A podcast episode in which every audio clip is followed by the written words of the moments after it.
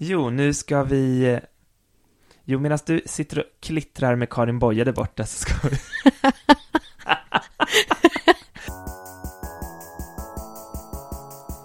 Vad är queer litteratur?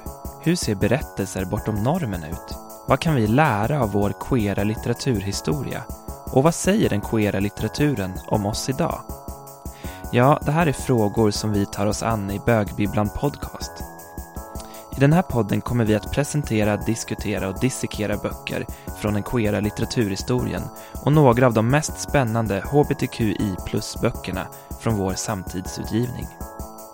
Vi som är med er i etern är Milla Leskinen, psykolog som knarkar bokcirklar och Max Bjuggfeldt, lärare och bögboksnörd.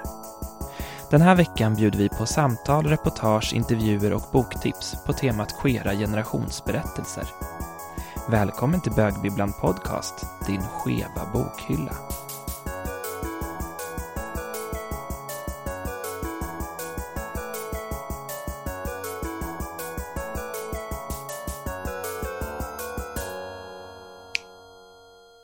Dubi-dubi-du-du. Välkommen till Bögbibblan. Wow, wow, wow, wow. Varför jobbar inte du heltid med att göra vignetter? A cappella-vignetter. ja, enmansband, skitbilligt. Ja, det, är, precis, det hade varit väldigt billigt för På spåret att hyra in mig istället. Verkligen. Frågan om resultatet hade varit önskvärt. Mm. Mm. Hur mår du? Eh, alltså jag mår ju solstrålande. Vi har ju varit inne på mitt mående, hur det flackas ut över året, eller snarare toppas och bottnas. Och nu vi tippar i topp här i den härliga majsolen är det nästan på att säga. Ja, just det. När är peak? Är det i maj? Nu! Nu! Idag, mm. ikväll? Ja, precis. Okej. Shit, jag måste förvalta det här väl. Ja, förutom att jag hatar att svettas med kläder på. Jag älskar att svettas i bastu. Det borde väl du också göra, Finland? Ja, mm. Men hatar att svettas med kläder på och just nu sitter vi i ett otroligt varmt rum. Yes, så vi är liksom i ett rum, i ett rum, i ett rum som befinner sig i ett växthus, alltså Cyklopens kulturhus. Mm. Vi älskar Cyklopen, men det var kallt vintertid. Nu märker vi att vi har nått en annan säsong. Mm. Hur mår du, Milla? Eh, jo, men samma. Eh, väldigt peppad på dagens avsnitt och alla spännande gäster vi kommer ha i det här stjärnspäckade programmet. Just det, för det här är verkligen ett lite speciellt avsnitt. Vi tycker att alla våra avsnitt är speciella, men det här, vi har ju en väldigt tydlig form annars, så vi kommer bryta lite mot det här avsnittet. Mm, berätta om dagens avsnitt. Mm, så gärna. Det här, dagens tema är queera generationsberättelser. Och i det här avsnittet så kommer vi göra som en slags eh, odyssé, resa genom den queera historien under framför allt 1900-talet. Och då också se hur har den speglats i litteraturen. Och det gör vi eh, förutom att ni ska höra våra vackra röster så gör vi det genom att läsa utdrag ur olika verk, eh, men också att vi har bjudit in några specialinbjudna gästtipsargäster. Så det kommer bli ovanligt många röster i det här programmet, ovanligt många röster som inte är min eller Millas röst. Mm. ser vi verkligen fram emot. Berätta, varför började vi intressera oss för det här temat? Ja, Nej men alltså jag är väldigt nyfiken på det här, på liksom generationsbegreppet. Eh, eh, för jag tänker liksom att det finns vissa saker som gör att man känner att man är som i samma ålder eller uppfattar sig som man är i samma ålder, att man har samma minnen och sådär. Eh, upplevt samma saker, samma referenser. Eh, och jag varit nyfiken på så här, hur kan man märka det hos hbtq plus personer? Finns det saker som vissa av oss varit med om men inte andra, vissa saker som så man kan förstå vissa åldrar till exempel. Och sen så hade jag liksom en egen personlig upplevelse här för några veckor sedan när jag upptäckte att jag har blivit en böggubbe. Okej, vad hände? Jag åkte kollektivtrafik, pendeltåg från eh, Årstaberg in till stan. Och då eh, stod jag, på pendeltågen så finns det eh, i mitten vid dörrarna så finns det mitten av vagnen en så här pinne mitten så, som man kan hålla i, som går från golv till tak, lodrätt. Och där stod det och hängde två killar som såg ut att gå kanske i så här åttan, eh, som åkte pendeltåg in till stan med sina polare som såg ut som något så här coolt gäng och de hade en sån eh, himla fin liksom intimitet. De så här höll om varandra, myste med varandra på ett sätt som jag blev så här, oj, finns det någon så här ironi i det här, är det en parodi, vad är det som, är de kompisar eller är det så här, hur, vad är deras relation? Jag blev så himla nyfiken. Och sen när de gick av så såg jag liksom att de höll varandra i handen. Och så åkte liksom rulltrappa bakom dem och såg att de så höll handen hela vägen. Och så blev jag så fascinerad av så här, kan killar liksom ha den här typen av intimitet på offentliga platser? Och också typ killar som jag uppfattar som ganska så här äh, coola. Så, så jag blev liksom så här, äh, det var något som bara hände i mig, att jag liksom blev så fascinerad och så blev jag så här, varför blev jag det? Och så kom jag på att så här, jo, men det var ju exakt det här jag längtade efter som tonåring, men aldrig liksom kunde tänka mig att det skulle kunna hända i mitt liv eller att jag ens skulle kunna se det. Och då är jag ändå uppvuxen i Stockholm på 00-talet. Så det var en sån, och då tänkte jag så här, det här, att jag är så fascinerad av det här, det är för att det här var så otänkbart i min generation. Och nu är det liksom en ny generation som är tonåringar och de kommer kanske inte riktigt förstå min fascination. Liksom så. Just det. Och då upptäckte du att du var en böggubbe? Ja, men precis. Och det har bara att göra med att jag då liksom insåg det här med att det är ett generationsskifte och att jag inte tillhör den här yngre generationen, utan jag tillhör en generation som kan blicka tillbaka till en annan tid. Mm, just det. Eh, vill du veta när jag upptäckte att du var en, en gammal gubbe? Nej, berätta. Nej. Det var när vi hade en så inspirationskväll. Vi skulle snacka ihop oss om bögbibblan. De Visioner. Avsnitten. Visioner, exakt. Eh, som börjar med en laptop och slutar med ganska många öl. Och då ville vi eh, röka. Och så stod vi i Hornstull och så hade vi ingen tändare och så var det en fredagkväll, så fin kväll, ganska sent. Och jag bara, det måste finnas någon som liksom har en tändare på sig i de här kvarteren. Så höll jag på att gå fram till ett ungdomsgäng för jag tänkte så här, de där ser väl ut att vara i rökarålder. Och så fick du hejda mig för det var dina gamla elever. Ah, gud vad roligt! Då kände jag, jag är ute ikväll med en gubbe. Ja, för fan vad roligt. Men det var också roligt att vi var på en queerfest i Malmö för typ två veckor sedan och där var en av mina gamla elever också på den festen. Ja. Alva, shout out till Alva. Mm. Härligt. Ja, men skämt åsido. Eh, vi är väldigt nyfikna på generationsberättelserna. För vi tänker ju att det finns någonting i berättelser Eh, och gemensamma liksom referenser, narrativ som förenar vissa generationer. Till exempel att det fanns en låt som var lite så signifikativ för en tid. Eller att det finns en en gestalt eller en viss berättelse som så alla känner till i en viss generation och som man liksom förstår precis vad man menar när man nämner den gestalten eller berättelsen till exempel. Så det här blir liksom en utforskande tidsresa där vi eh, försöker hitta de här berättelserna som kanske säger någonting om sin tid samtidigt som de betydde mycket för hbtq plus-personer just då. Precis, och det är alla de här berättelserna berättelserna som vi tänker oss finns i historien. De, de här böckerna och berättelserna som har hjälpt oss att förstå vilka vi är, som kanske har hjälpt queers eh, genom historien att komma ut eller som används som signaler till andra för att signalera att man är en, en queer person. Och de böckerna som har handlat om att bearbeta svåra erfarenheter i communityt och andra verk som har blivit ikoniska och liksom kännetecknande för olika generationer queers. Och vi startar vår tidsresa för drygt 2600 år sedan. Gudars like tycks mig den mannen vara, han som mitt emot dig kan sitta, han som i din närhet njuter din kära stämmas älskliga tonfall och ditt ljuva, förtrollande skratt som alltid i mitt bröst bragt hjärtat i häftig skälvning.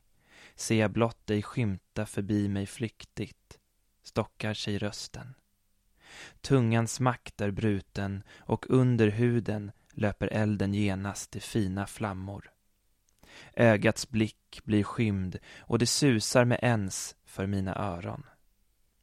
Svetten rinner ned och en darrning griper all min arma kropp Jag blir mera färglöst blek än ängens strå och det tycks mig som vore döden mig nära.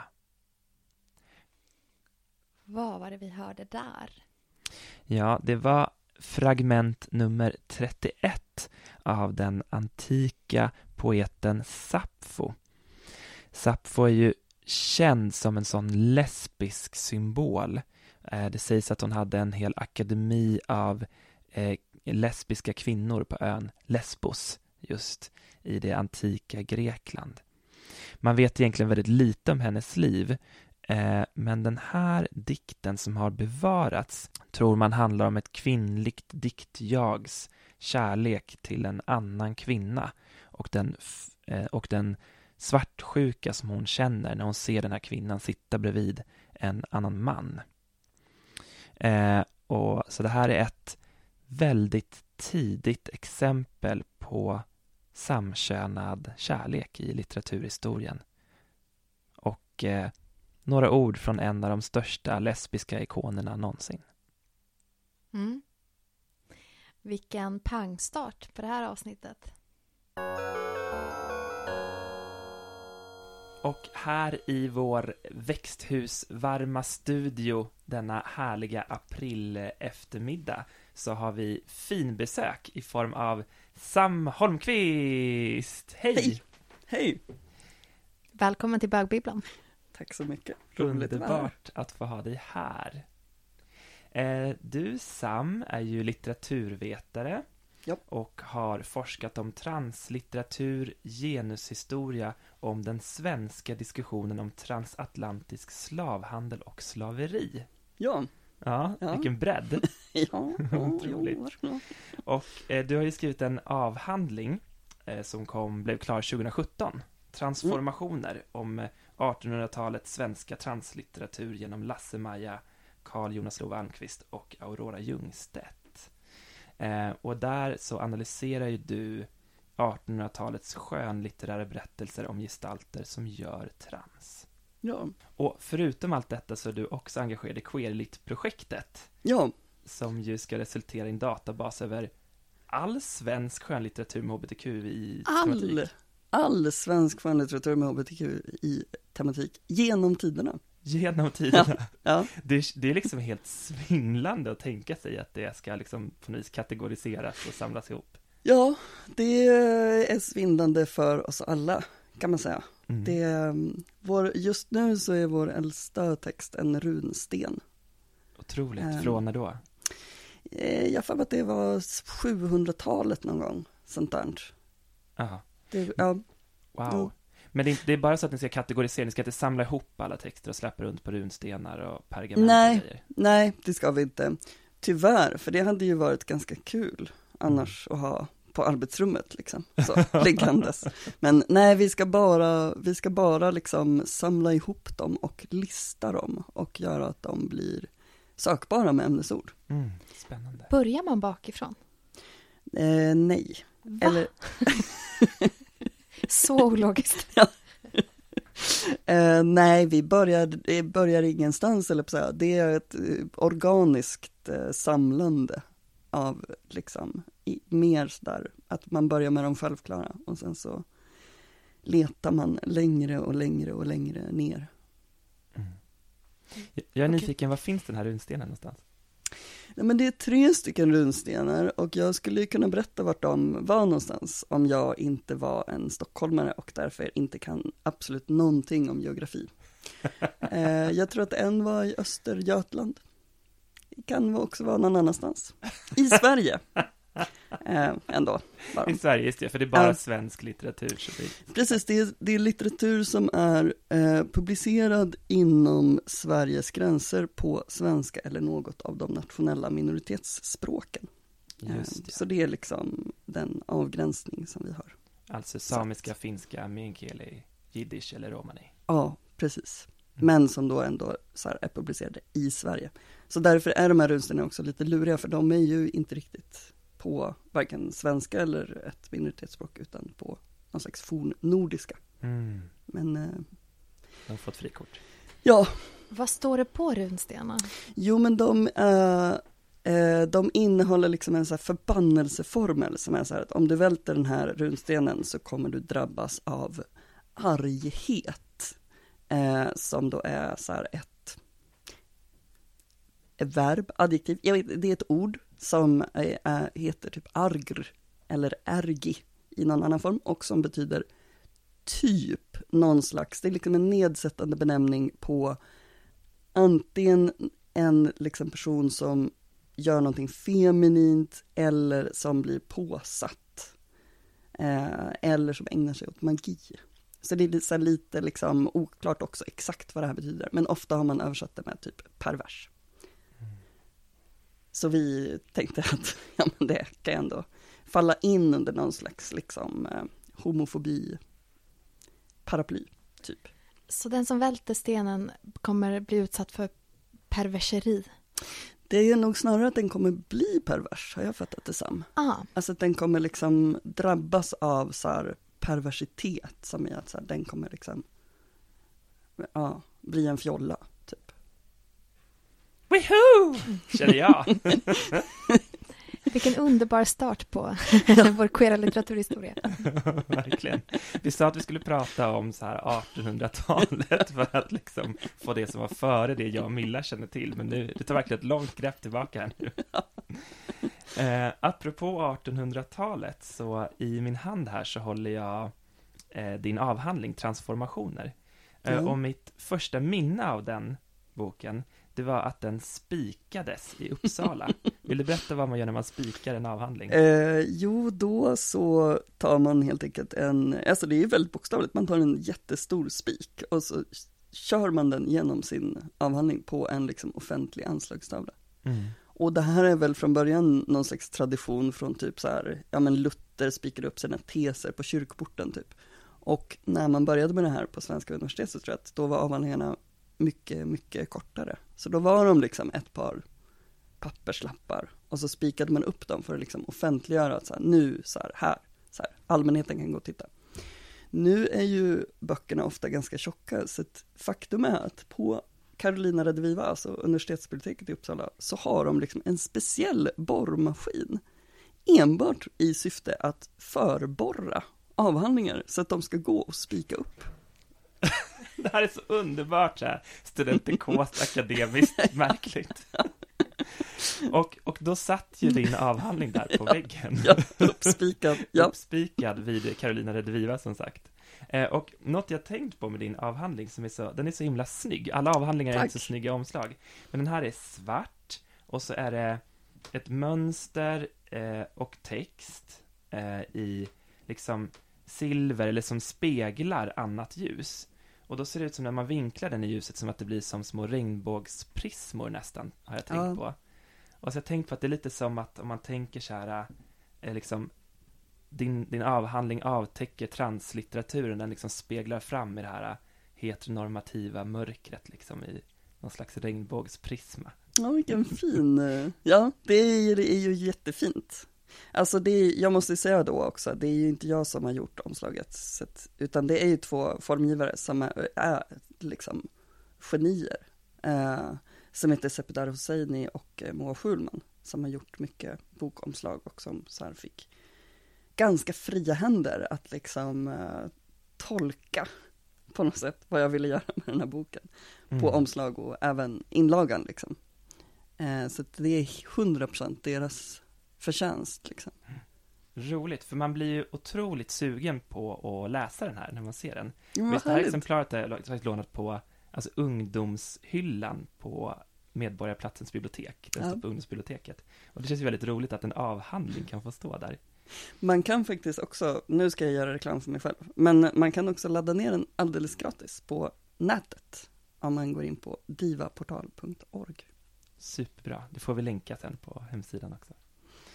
Vad heter det, och den här, din avhandling, den handlar ju om tre verk från 1800-talet. Ja. Skulle du vilja berätta lite om vilka tre verk det är? Eh, ja, alltså det är liksom tre verk som är väldigt olika, tänker jag. Eller som, min tanke var liksom att de skulle på något sätt representera olika typer av litteratur. Eh, så det är en författare som heter Aurora Ljungstedt som inte en människa nästan har hört talas om. Eh, Aurora Ljungstedt var jättepopulär, liksom, en så här storsäljande författare, men som hela tiden har varit lite så här, ja men lite ful författare, lite dålig, liksom aldrig så här eller någonting sånt. Eh, så det var hon och sen så då Carl Jonas Lova Almqvist som ju är superfinlitterär och som litteraturvetare framförallt älskar att både läsa och liksom analysera. Eh, så att, och jag läste liksom, eller analyserade framförallt vad som väl är kanske hans mest kända roman som är Drottningens juvelsmycke. Som ungefär fem miljarder litteraturvetare har gjort analyser av tidigare, så det var på många sätt lite plågsamt liksom, men spännande. Och sen så den tredje författaren är Lasse-Maja, eh, som eh, hette Lars Molin, som var en så svensk stortjuv som också var en sån där superkändis, som skrev en självbiografi. Och som blev känd dels för att han var liksom en ganska fräck tjuv, men framförallt för att han levde omväxlande som man och som kvinna. Och som är någon som man liksom inte riktigt har pratat om som en författare egentligen, för att man har mer sett det här som en så här, ja men det är liksom en intressant så här, folklig berättelse typ, men man har inte tänkt på det som litteratur riktigt, för att man har liksom tyckt att det är, ja men det är liksom inte riktig litteratur, utan det är mer så här, ja, någonting lite, lite fult och lite fjantigt och lite som en så här, som buskis liksom. Det är sån buskishumor, typ. Men som sägs ha varit eh, en av liksom Sveriges mest lästa berättelser. Och det är nog antagligen sant under 1800-talet, säkert också stora delar av 1900-talet. Liksom. Så sån verkligen superläst bok. Visst är det så att du skriver här i din avhandling att man, man hade läst liksom Lasse-Maja och Bibeln? Jag tror att jag citerar det och det kanske jag inte borde ha gjort, för det är en sån där grej som folk alltid brukar säga om Lasse-Maja, att så här, på 1800-talet löste man Lasse-Maja och Bibeln, men det är egentligen, det är ingen som vet riktigt vad folk läst. så det, det, är lite så här, det låter ju så himla bra liksom, men det brukar sägas, men det är ingen som vet om det mm. stämmer. Mm. Men det kanske men, illustrerar att det var en väldigt populär berättelse? Ja, men det var det. Och det var, och framförallt så var det så att så här, för att fattiga människor läste ju, alltså fattiga svenskar kunde liksom läsa i Sverige vid den här tiden, men in, läste inte så långt och inte så mycket och hade liksom inte råd med böcker.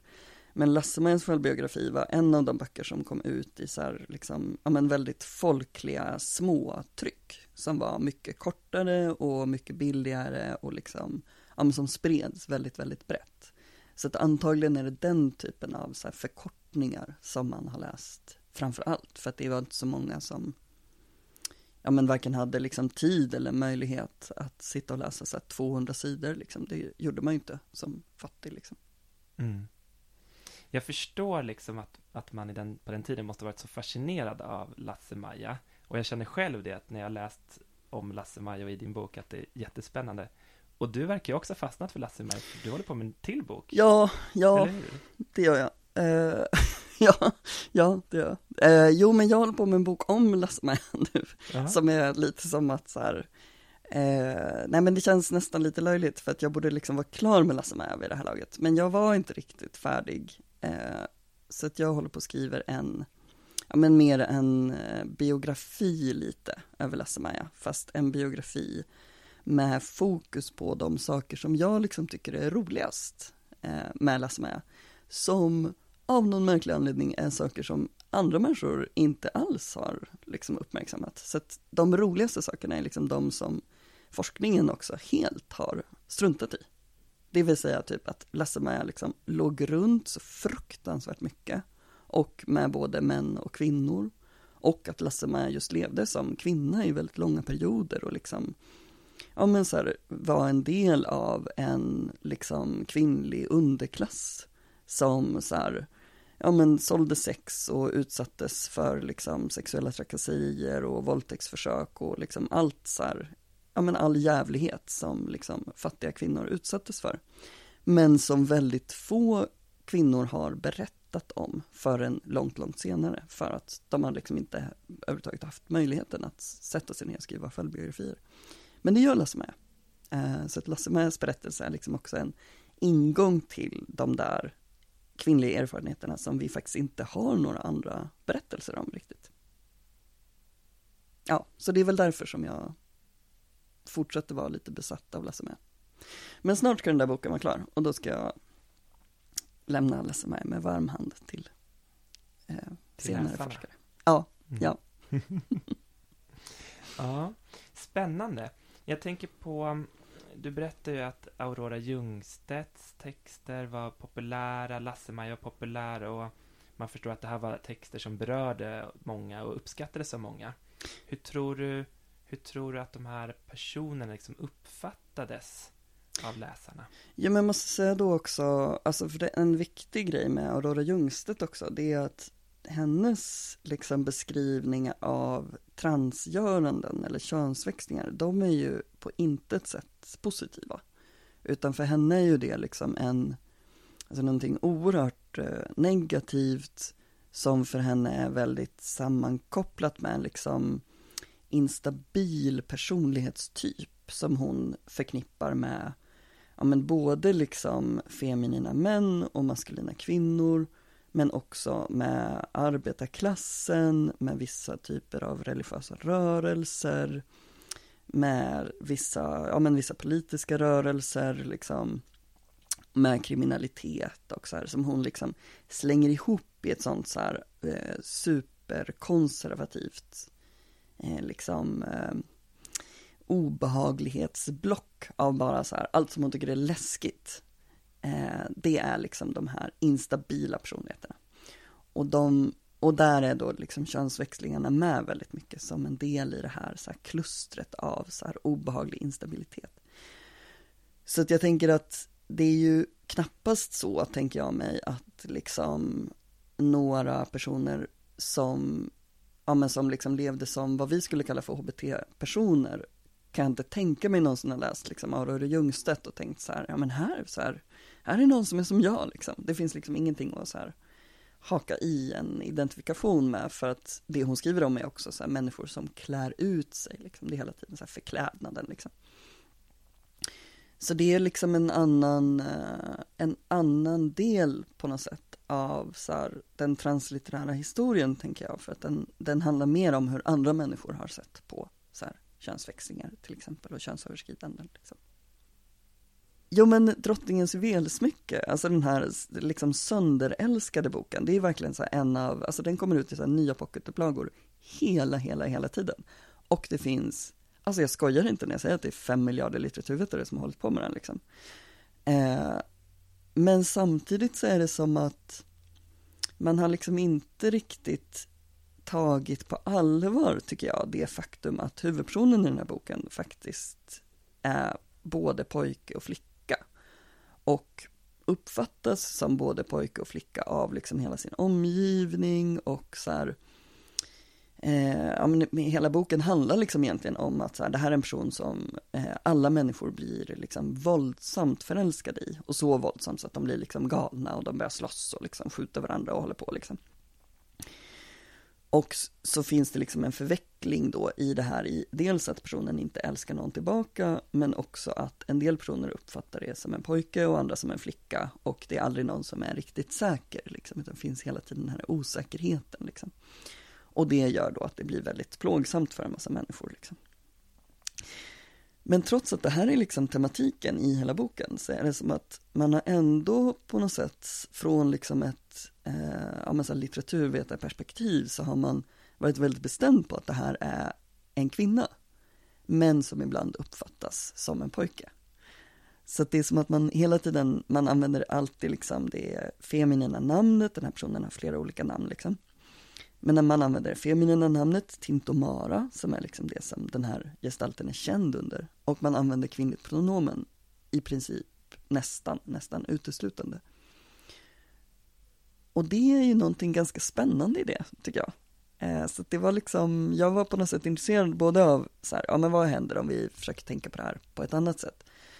Men sen så tror jag att det också i bakgrunden om det fanns nog också från mitt håll ett intresse av så här, ja men så här, hur kommer det här sig? Alltså vad är det liksom som man, som gör att det här blir en sån otroligt populär gestalt? Eh, som, som liksom så många i ett liksom heterosexuellt sammanhang och ett cisnormativt sammanhang inte minst, verkligen älskar att älska. Alltså vad är liksom, vad är så lockelsen i den här, så här könsöverskridande gestalten som man då så här känner sig så otroligt angelägen om att göra till en kvinna i manskläder. Det tyckte jag var jättespännande och har funderat ganska mycket på. Eh, men det är också en sån så här, klassiker som man nästan alltid läser på, om man läser litteraturvetenskap A, så får man väldigt ofta läsa Drottningens juvelsmycke till exempel. Det var nog mitt första möte med någon könsöverskridande eller transkaraktär när jag pluggade litteraturvetenskap faktiskt. Ja. Mm. ja. Som också presenterades i något sånt sammanhang, om jag minns det rätt. Som en liksom könsöverskridande... Ja, men som att det fann, precis fanns något, något brott mot normer åtminstone. Jo, men mm. det, är, det är det som är spännande, att det är som att man har pratat jättemycket om det där brottet mot normerna. Men det är som att det är fortfarande så vissa normer som det ska brytas mot. Mm. Alltså att det ska liksom vara ett lite lagomt könsöverskridande. Det får liksom inte gå för långt. Så. Just ja. Och det måste vara rätt sorts.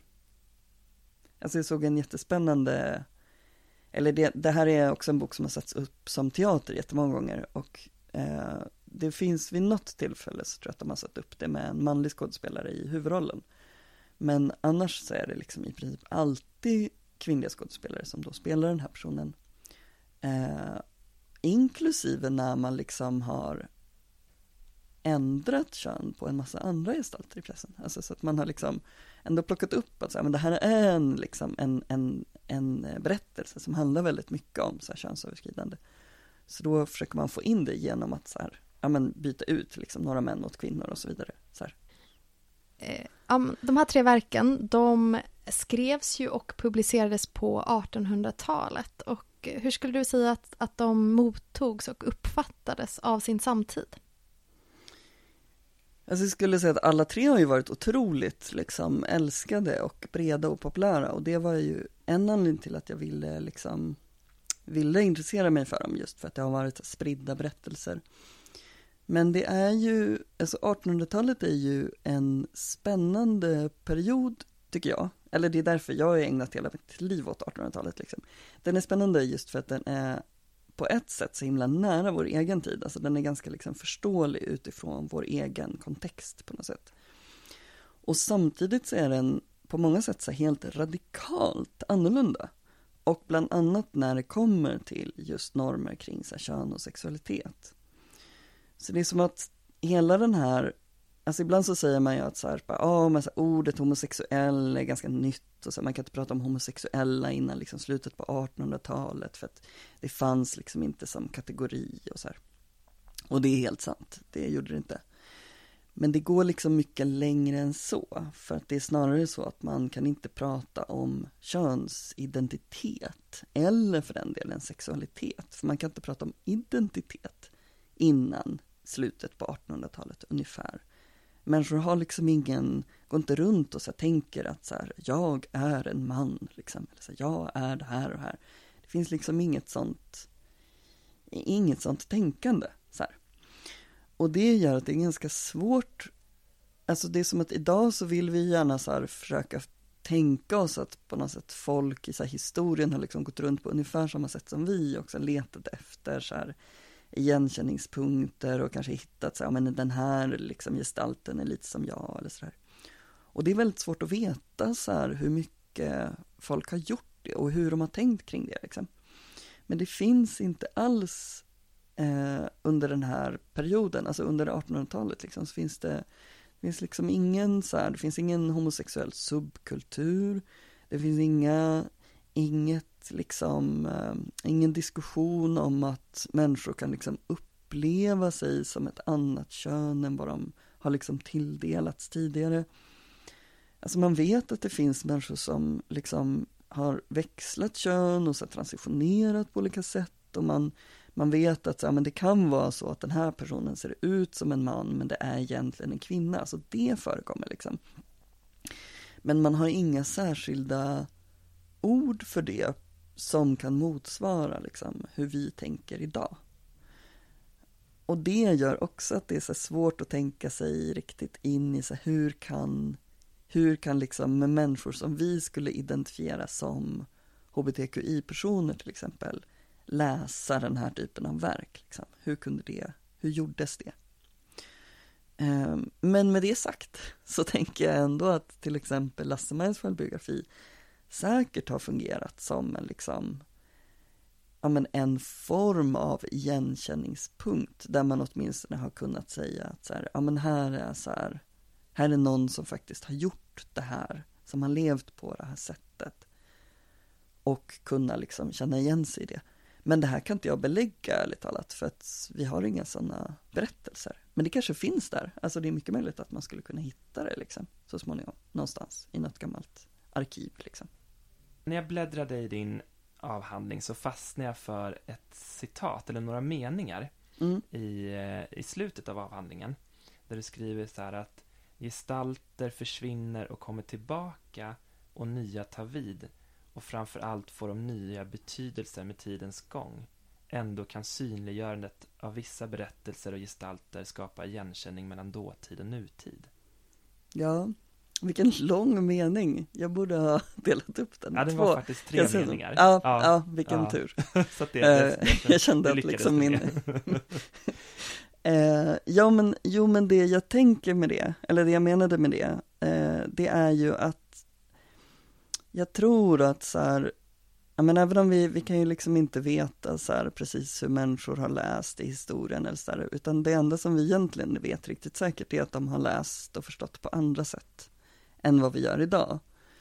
Ehm, men jag tror att det finns ett värde i, eller att vi kan liksom lära oss saker av att fundera kring både hur andra människor har tänkt kring någonting, men också hur vi själva kan tänka.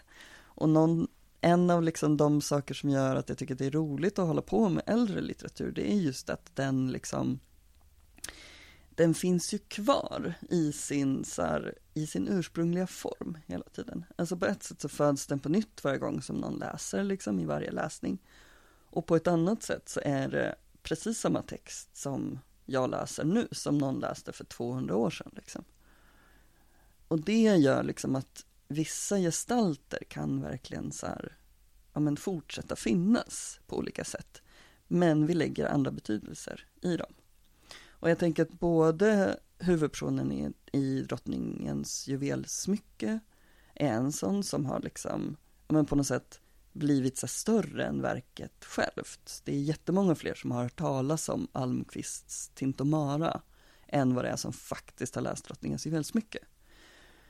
Och det är otroligt många fler som har hört talas om Lasse-Maja än som har läst Lasse-Majas självbiografi. Liksom. Och då är det som att den här gestalten, Lasse-Maja, har blivit mycket större än dels självbiografin, men framför allt än den här liksom faktiska personen, Lasse-Maja, som föddes och dog och liksom inte visste alls så mycket av den här mytbildningen 200 år senare. Liksom. Och då tror, tänker jag mig också att vi i olika tider så plockar vi upp olika gestalter och tycker liksom att de är viktiga på olika sätt. Um, och så hittar vi på nya betydelser som vi lägger vid dem liksom. Och sen så kommer det nya människor efter oss som både på något sätt gör sina tolkningar men sen också använder sig av våra tolkningar för, för dem blir det liksom en bakgrund. Uh, och samtidigt går tillbaka till ursprungsverket liksom. Och så blir det som så här 50 olika lager av det där, av olika betydelser. Som man då som litteraturhistoriker kan ägna sig åt att så här försöka skrapa lite på. Mm. Så. Spännande, det blir som en artefakt i sig som döljer fler berättelser. Ja, men verkligen. Mm. Det tycker jag. Mm. Vad heter det, du, du beskriver också i, din, i, i slutet av din avhandling eh, hur en transläsning kan liksom avslöja eller uppenbara någonting annat i en berättelse än vad det verkar finnas där först. Mm. Kan, kan, du liksom berätta vad, mer om vad en transläsning är för något? Ja, Eh, det borde jag verkligen kunna. Jag tänker mig att en transläsning, jag har använt det lite som en på något sätt vidareutveckling av eh, en queer läsning liksom. Det är på något sätt, det teoretiska ramverket i det här har jag liksom hämtat från så queer-teorin. Och en tanke om att man liksom kan, ja men så kan frilägga andra betydelser i verk genom att så här, sätta fokus liksom på vissa saker. Eh, och det som jag tyckte på något sätt att jag kunde göra i den där avhandlingen, eller som jag försökte göra, det var väl att bara utgå från att trans var en relevant kategori att lägga på de här texterna och lite se så här, ja men vad händer då? För att jag upplevde väldigt mycket att så här, ja men tidigare så har man mycket utgått från att trans inte är en relevant kategori. Liksom. Så då var jag intresserad av, ja men okej, men om vi istället, om vi börjar där liksom, och så bara utgår vi från att de här liksom, ja men så här, skurkarna som klär ut sig i Aurora Ljungstedts berättelser, liksom, att de gör trans, de kanske inte är transpersoner, men de gör trans. Så här. Kan vi då liksom hitta en, så här, en egen tradition på något sätt och få syn på så här, någonting annat i de här berättelserna? Eh, och det hade väl att göra med att jag också tänkte mig att jag ville skriva just en slags translitteraturhistoria eller liksom en translitterär tradition och titta på så här, hur har liksom olika typer av också stereotyper och liksom nidbilder och alla möjliga sådana bilder varit med och format vårt samhälle och vår kultur och liksom i förlängningen de livsvillkor som transpersoner bland annat har levt i. Liksom. Mm. Spännande. Vilka, du, du berättade att du har läst mycket från 1800-talet. Vad, vad finns det för andra exempel på 1800-talsverk som har någon transtematik eller queera relationer ja, det, eller så? Alltså om man säger queera relationer, då kan man ju plocka upp egentligen vilken liksom 1800-talsbok som helst nästan. Men det det som jag också tyckte var roligt på något sätt, det var väl att, eller roligt, men jag försökte på något sätt visa också att så här, ja men det finns en, en jätte, det finns väldigt många verk. Eh, och det var på något sätt när jag, ja men när jag höll på och skrev den här avhandlingen och liksom pratade mycket om den och så, så var det så här också den absolut vanligaste frågan jag fick, som var så att säga, men det finns väl inte så många böcker? Och så var folk sådär att, ja men okej, så här, drottningens juvelsmycke, så här, för den känner alla till så här. Men mer än så, så här, det är väl inte så mycket mer. Så då började jag på något sätt samla på mig så här, verk eh, i ett litet liksom Excel-ark, det skrev en så här jättelång lista bara och sen blev den längre och längre. Och sen blev det Queerlit-projektet så småningom. Då, för att på något sätt verkligen kunna banka in hur otroligt många böcker det finns. Um, men det som finns, när jag säger att det finns många böcker, eh, Mm, som är liksom, som man kan läsa ur ett transperspektiv, då menar jag just så här, ja men väldigt många böcker med en så här, ett, ett litet, ganska perifert kanske transmotiv. Eh, att det är så här, ja men det är någon som liksom, ja men som just kanske klär ut sig eller så här, som under en kort period så här, uppfattas som någonting annat än den egentligen identifierar sig som eller så, här, så liksom lite så ja men gestalter som, som vi kanske inte skulle säga är transpersoner men som man däremot kan då göra en transläsning av. Så. Mm, spännande många så här storslagna saker som börjar med ett Excel-dokument. Nej, alltså jag älskar Excel så himla mycket. Ehm, det blir så, det blir så fyrkantigt och prydligt liksom. Mm. Det är väldigt härligt. Och sån eh, otroligt liksom får man kalla det hämnd? De bara så här, det finns väl inte så många transböcker, du bara, jag ska visa er. jag ska bygga ett arkiv med alla Sveriges bibliotekarier. ja, ja, Väldigt ambitiöst. ja, vad roligt. Man kan ju säga liksom att det här, eh, det som börjar då kanske med det här Excel-dokumentet som nu utvecklar sig till, till eh, din avhandling och till Queerlit-projektet, att det är ett arbete att avtäcka en translitterär historia. Ja men det är det verkligen. Och det är, men sen ska jag säga så att det är inte, det här Queerlit-projektet vilar ju på väldigt många fler människors arbeten än mitt lilla futtiga Excel-ark. Eh, och det är för väl, för annars skulle det bli ett kort och tråkigt projekt. Ehm, men, men ja, det handlar absolut om att avtäcka en translitterär eh, historia det gör det. Och det var mycket för att jag kände själv att så här, jag ville läsa den. Alltså så här, jag ville veta så här, men hur har liksom den translitterära traditionen sett ut? Eh, och McFailits-projektet också, den homolitterära traditionen som så här, till viss del, alltså det finns några forskare som har ägnat sig åt den, men det är ju inte många, alltså man kan ju räkna dem på, alltså man behöver inte ens ena handens fingrar utan ett, ett eller två liksom. Så. Nej, med några fingrar, men, men det är inte mycket liksom. Eh, så det är fortfarande på något sätt en historia som väntar på att bli skriven lite. Eh, och det är ju någonting som är ganska kul med att vara litteraturhistoriker, tycker jag.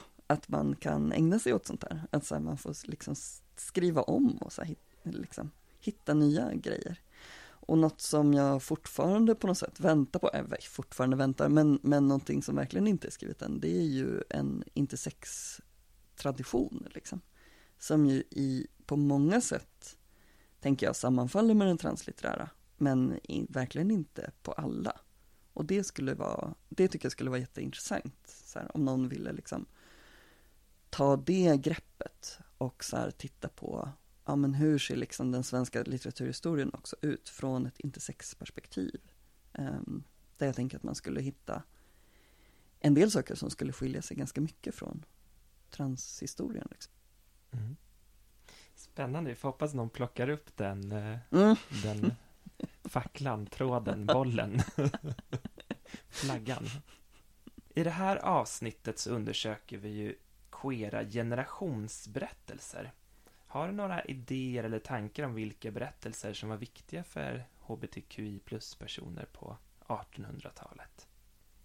Jag tror att det jättemycket beror på. Dels såklart vad vi menar med hbtqi-personer och sådär, men sen så tror jag att Alltså för enskilda personer så tror jag att eh, då, då kan ju nästan vilken bok som helst vara, blir jätteviktig för att man hittar någonting liksom i den där som, är, som är, passar en själv liksom.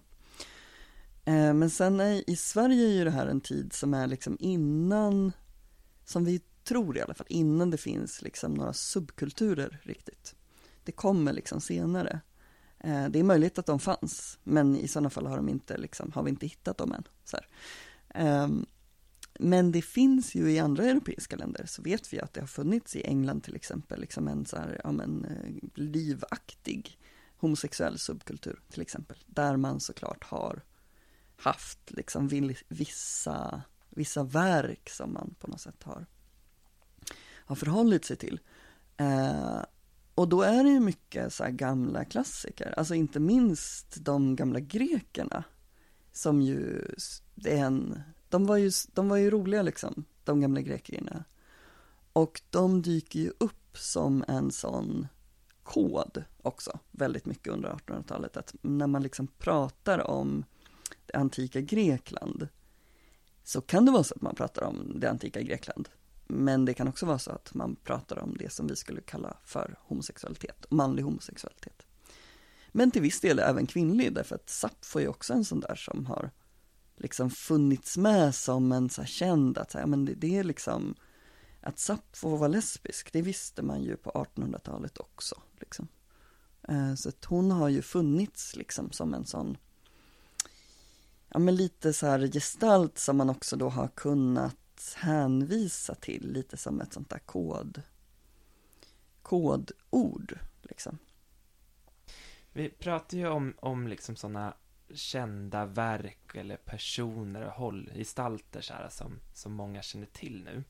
Vad tror du att det kan betyda för enskilda personer eller ett community som hbtqi plus-rörelsen att att ha gemensamma berättelser eller referenspunkter? Jo men jättemycket. Nu kommer jag också på mitt favoritexempel på liksom en sån, ett sånt så här användande liksom. Och det är en tysk, eller om han var österrikare, jag tror att han var tysk. Eh, han skrev en självbiografi under pseudonymen N.O.Buddy, alltså Nobody.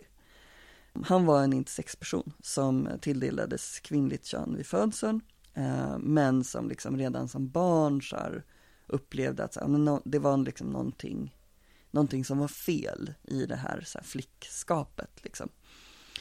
Eh, och han har så här, ett tillfälle som han berättar om när han som barn läser eh, den gamla grekiska just myten om Achilles. Alltså om ni minns den här liksom macho-man Achilles som var så här superhjälte typ. Han läser om Achilles och om Achilles tid på ön Skyros. Eh, där satte nämligen Achilles mamma honom när han var väldigt liten. För att han skulle, und hon hade visste att han skulle dö i något krig eller hur det var, jag har glömt liksom. Eh, men så hon placerade honom på den här ön, satte på honom en klänning och sa så här, det här är en flicka och så skulle han inte då hamna ute i kriget. Så det finns en sån myt om så här killes liksom tid som flicka. Sen upptäckte de det här och så satte de honom i kriget i alla fall och jag vet inte allt vad som hände men, men det som är spännande med det här är att Enno Obadi läser den här historien och så beskriver han så här att så här, jag liksom, jag, bara, jag kände en sån otrolig lättnad Eh, alltså jag får mig att ordet han använder är så är löst på tyska, alltså som är så förlöst, typ att han bara så här, nu, nu förstår jag så här, vad det är som har hänt.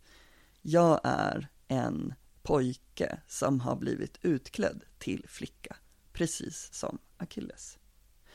Och det som är fint i den historien är att de har ju absolut noll likheter. Alltså förutom att det är så här äh, några tusen år mellan dem och olika länder och allting så är det också att så här, ja men Achilles är ju en så person som blev tilldelat manligt kön i födseln och sen blir utklädd till flicka. En nobody har tilldelats kvinnligt kön liksom. Men känner igen sig i den här beskrivningen av att så här, jag har blivit utklädd, jag har blivit intvingad liksom i det här flickskapet. Och sen har jag ingen aning om liksom, hur viktig Achilles-myten var generellt så här, för liksom, transpersoner, om det någonsin har varit det. Men för nobody så var den helt klart liksom, superviktig. Mm. Har, citatet av nobody är faktiskt här i precis inleder din slutdiskussion. Ska, vill du läsa det? Det är så himla fint det här citatet. Det är ett jättefint citat, ska jag läsa det? Jag tror att det är många queer som skulle kunna känna igen sig i den upplevelsen, även om det inte är exakt samma eh, erfarenhet. Ja, ja, ja. Men jag kommer, nu läser jag det på svenska, för jag kan inte tyska. Eh, så här skriver Enoberg. Sen läste jag av en slump berättelsen om Achilles, vars mor gav honom kvinnokläder. I feberaktig spänning läste jag sagan till slut. Jag jublade. Jag var förlöst. Och Jättefint. Jättefint, och det tänker jag att många nog kan känna igen sig i, den så första berättelsen som bekräftar ens existens eller något sånt. Ja, ja. Mm. Men sen tänker jag att det också, framför allt när liksom, ja men när det börjar komma mer så HBT-subkulturer och människor liksom börjar sammansluta sig mer och så här, börja prata med varandra på ett annat sätt. Och också börja uppfatta sig som att så här, ja, men man, man är liksom en specifik grupp då tänker jag mig att man kanske mer börjar ha de här gemensamma berättelserna. Eh, där man då också plockar upp väldigt mycket så här, det antika Grekland till exempel. Liksom. Eh, och liksom samlas kring så här, vissa, vissa berättelser. Så. Men det är väl mer en 1900-tals företeelse skulle jag tro. Just ja, 1900-talet, det sparar vi till lite senare. Så otroligt spännande att få ta del av din oceaner av translitterär kunskap. Det är som bara en, ett helt bibliotek har öppnat sig för oss. Vi får ta del av allt vi kan. Det är fantastiskt. Så underbart. Jag, jag vill bara ge bort min plats i bögbibblan åt dig. så, him så himla kunnig och bra. Det var väldigt roligt att få komma hit. Tusen, tusen tack. tack, tack så mycket.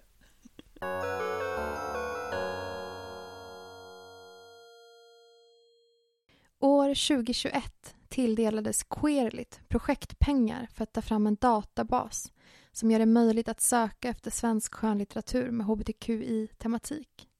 Det har tidigare funnits översiktsböcker om hbtqi-litteratur men ingen databas med målet att samla hela den svenska hbtqi-litteraturen. De litteraturdatabaser som redan finns har inte indexerat, alltså taggat eller kategoriserat, böckerna med ord som gör att det går att hitta teman, motiv eller karaktärer som är vanliga inom hbtqi-litteratur. Man kan säga att hbtqi-litteraturen är osynlig i andra databaser. Helt enkelt för att man inte taggat böckerna med rätt ord. Det är ett välkänt problem att olika minoriteter är underrepresenterade i arkiv och material som belyser dessa gruppers erfarenheter inte har bevarats och arkiverats i så stor utsträckning. Därför är just skönlitteratur en viktig källa för kunskap om hbtqi, såväl av subjektiva erfarenheter som av de fördomar och de förtryck och våld som denna grupp utsatts för. Fiktion fungerar också som en opinionsbildare och bidrar till att forma publika uppfattningar över tid, skriver Queerlit i sin forskningsbeskrivning.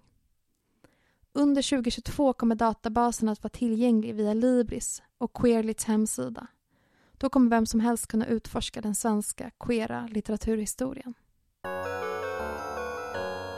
Du har lyssnat på del 1 av Bögbibblan Podcast, säsong 2, avsnitt 6, Queera generationer. De andra delarna hittar du där du lyssnar på dina poddar. Vilka som har varit med och gjort det här avsnittet möjligt, det berättar vi efter den sista delen.